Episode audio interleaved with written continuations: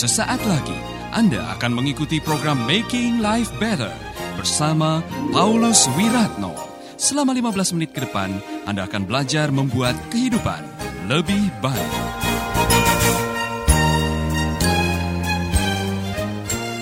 Semua yang Anda miliki diambil oleh Tuhan, masih bisa menyembah Tuhan dan mengatakan engkaulah segalanya dalam hidupku. Kalau semua yang Anda miliki sudah tidak ada lagi, masihkah saudara datang kepada Tuhan? Daud bisa. Mazmur pasal 3.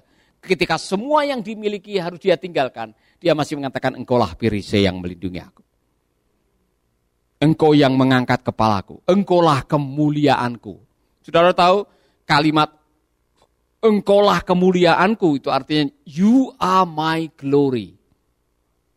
Glory itu adalah harta. Dalam uh, zaman itu kalau you are my glory, kemuliaanku datang dari harta. Tapi hartanya harus ditinggalkan di istana, termasuk istrinya. Termasuk tahtanya dia tinggalkan. Tapi dalam pengungsian, dia menulis Mazmur pasal 3. Ketika semua orang memusuhi dia, dia mengatakan, You are my glory. Engkau adalah kemuliaanku. Engkaulah harta satu-satunya dalam hidupku. Itu maksudnya. Ini tes yang paling sulit, saudara. Semua yang Anda miliki diambil oleh Tuhan, dipreteli oleh Tuhan. Masih bisa mengatakan, Tuhan, Engkau adalah kemuliaanku. Aku lahir dengan telanjang, aku kembali dengan telanjang. Tuhan yang memberi, Tuhan yang mengambil. Terpujilah nama Tuhan. Amin. Tes baik-baik.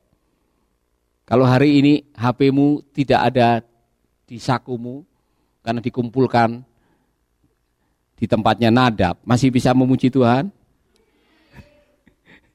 Masih bisa menyanyi? Masih bisa senyum? Amin. Kalau hari ini orang yang kau cintai pacarmu diambil orang, masih bisa haleluya Tuhan baik, Tuhan yang memberi, Tuhan yang mengambil.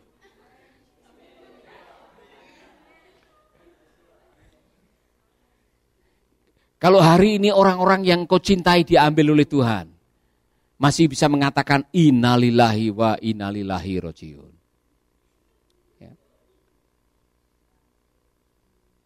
Kalau hari ini yang ada hanyalah pakaian di badan, semua yang lain sudah hilang, Masihkah saudara datang kepada Tuhan dan mengatakan, kunaikan syukur padamu. Masih bisa? Tidak gampang. Tapi Anda harus mengalami suatu saat. Bahwa ada satu titik dalam kehidupan kita menyadari hanya Tuhan yang menjadi kemuliaanku. Nah saudara-saudara Daud mengalami itu. Jadi Daud sudah mempraktekkan itu. Makanya saudara-saudara Daud tidak tidak tidak merasa terancam walaupun dia diancam. Nanti pada waktu Saul mengerahkan tentara-tentaranya untuk membunuh dia baru dia lari. Tapi sampai di titik ini Daud masih main kecapi dan menyanyi karena dia belum tahu. Dia belum tahu bahwa orang yang dia tolong ini adalah orang yang nantinya akan membunuh dia. Waspadai ini ketika rasa aman hilang dalam hidup saudara.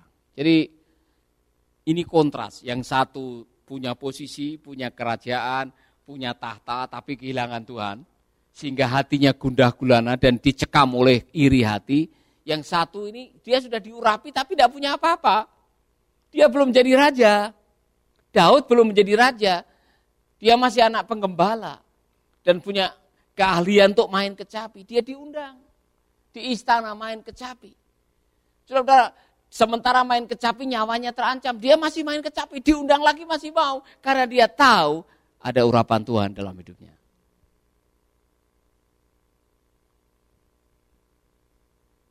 Yang ketiga, ini waspadai, saudara. Ketika roh Allah undur dari saudara, Anda kehilangan orientasi hidup. Kehilangan tujuan akhir hidup saudara. Saul menghabiskan sisa umurnya untuk melenyapkan orang yang mengancam dia, yang dianggap sebagai ancaman. Saudara-saudara, orang yang terancam cenderung mengancam. Katakan kepada temanmu, orang yang terancam itu selalu mengancam. Satu, dua, tiga. Saul terancam oleh popularitasnya Daud. Karena wanita-wanita itu nyanyi pakai rebana sepanjang jalan parade merayakan kemenangan. Saudara-saudara Daud tidak tidak terlalu terkecoh dengan itu semuanya. Daud masih menjadi Daud yang normal. Tapi Saul tiba-tiba berpraduga, wah ini habis, sebentar lagi dia akan menjadi raja. Maka dia menghabiskan waktunya untuk menghabisi Daud supaya tidak ada raja lain. Saul membuat keputusan yang salah. Kalau saya jadi Saul, saya justru akan membesarkan Daud. Ya kan? Saya akan menolong Daud. Kalau dia menolong Daud menjadi raja, ikut melatih Daud dan sebagainya dan menyadari bahwa Daud sudah diurapi oleh Tuhan. Mungkin akhir hidupnya tidak akan bunuh diri dia, saudara-saudara.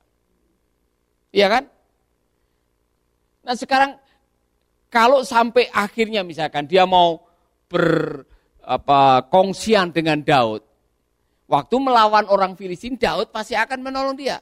Saul mati karena dia kalah melawan orang Filistin. Karena dia malu nanti kalau e, tubuhnya dijadikan permainan atau disiksa, dia bunuh diri yang padahal menurut ayat itu dipotong kepalanya, mayatnya dipajang. Dan saudara-saudara, dia mengakhiri hidup dengan malu. Kalau dia mau bersatu dengan Daud dan mengizinkan Daud yang memimpin, mungkin nasibnya tidak seperti itu. Jadi jangan pernah merasa terancam dengan kelebihan orang lain, itu pelajarannya. Jangan pernah merasa terancam dengan kelebihan orang lain. Anda masih bersama Paulus Wiratno di Making Life Better. Kalau suatu saat Alex sudah menjadi manajer sebuah hotel misalkan. Saya senang sekali. Saya tidak perlu bersaing dengan dia supaya saya melamar di hotel itu supaya saya yang diangkat jadi manajer. Saya sudah ompong giginya. Tidak mungkin saya bisa manajer di hotel, tidak mungkin saya diterima. Umur lebih dari 60 misalkan aja. Saya akan bersorak pada waktu anak-anak panti, ada yang menjadi manajer, ada yang sudah menjadi abri, suatu saat ada yang menjadi bupati. Saya pengen, saudara. Sehingga anak-anak itu sudah menjadi orang yang seharusnya seperti apa dia dipanggil. Saul tidak punya spirit itu. Dia tidak mau orang lain menjadi raja. Kalau saudara lihat orang lain berhasil, saudara senang tidak? Benar. Saudara senang? Kalau temanmu yang satu kampung tiba-tiba sudah terkenal seperti Ames, ya kan bisa nyanyi. Padahal dulu waktu main sama-sama Waktu kecil saudara main sama-sama, sekolah SD-nya sama-sama, Anda sampai hari ini tingkat RT aja tidak pernah lulus waktu lomba nyanyi. Kemudian temanmu bisa terkenal masuk TV, Anda senang ketemu dengan dia? Atau sudah gitu, wah saya mau lihat fotonya aja, saya tidak mau. Anda rugi. Jangan pernah terancam dengan orang yang punya kelebihan dari saudara-saudara masing-masing sudah digariskan oleh Tuhan. Bagian saudara adalah lakukan yang terbaik apa yang bisa Anda lakukan. Masing-masing kita punya panggilan hidup yang beda-beda. Jalani saja hidup ini, yang penting kita mengikuti kebenaran firman, taat tadi. Supaya apa? Supaya kita mengakhiri hidup dengan baik. Amin. Saya tidak ingin sudah ditemukan masuk koran. Ditemukan seorang pemuda gantung diri pakai selendang. Di bawahnya ditemukan surat bahwa dia kecewa karena ditolak cintanya. Hanya ditolak cintanya, Anda mengakhiri hidup dengan menggantung diri dengan selendang di kamar, masuk koran lagi. Kemudian ditulis alumni SPPT, bikin malu saya.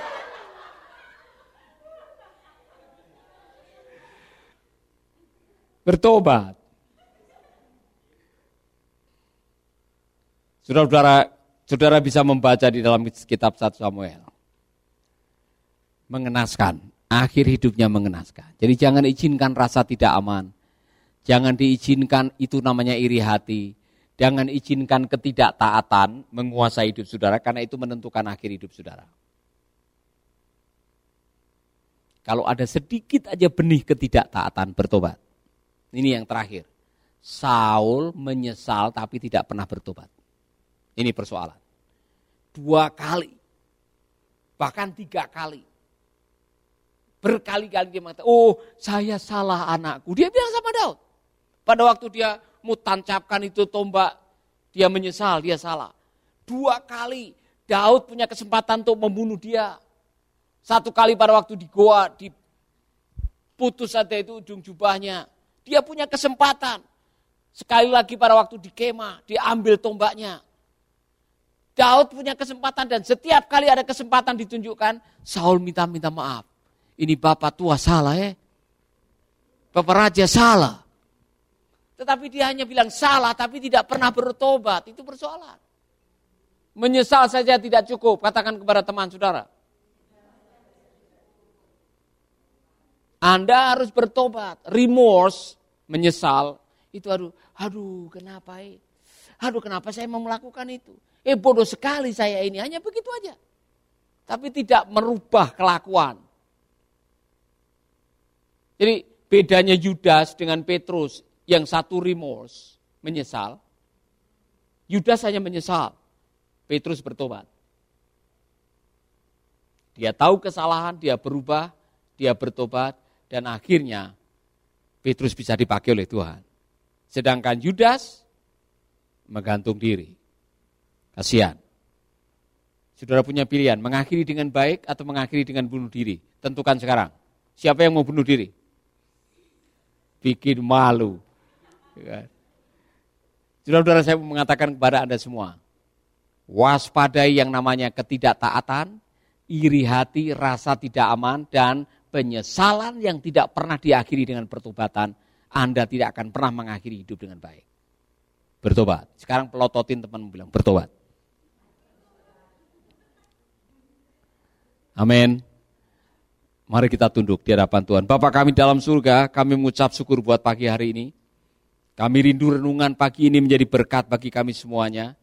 Kami rindu hari ini kami disegarkan, diingatkan bahwa ketaatan punya nilai yang luar biasa dalam kehidupan kami. Kami mau mengakhiri hidup dengan bahagia. Kami mengakhiri hidup dengan makna. Kami mengakhiri hidup dengan dignity, kemuliaan.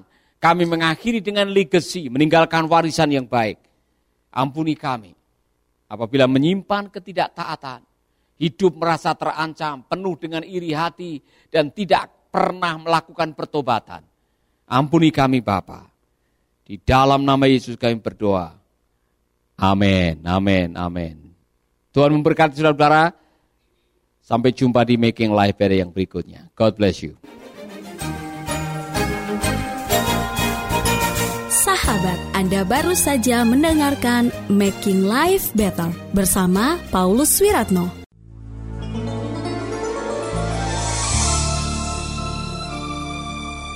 Keluarga Gracia, biarlah firman Tuhan selalu menjadi pelita dalam hidup kita sepanjang tahun ini. Dengarkan selalu radio Suara Gracia di 95,9 FM, streaming di suaragratiafm.com streaming atau dengan aplikasi Android Radio Suara Gratia yang tersedia di Play Store.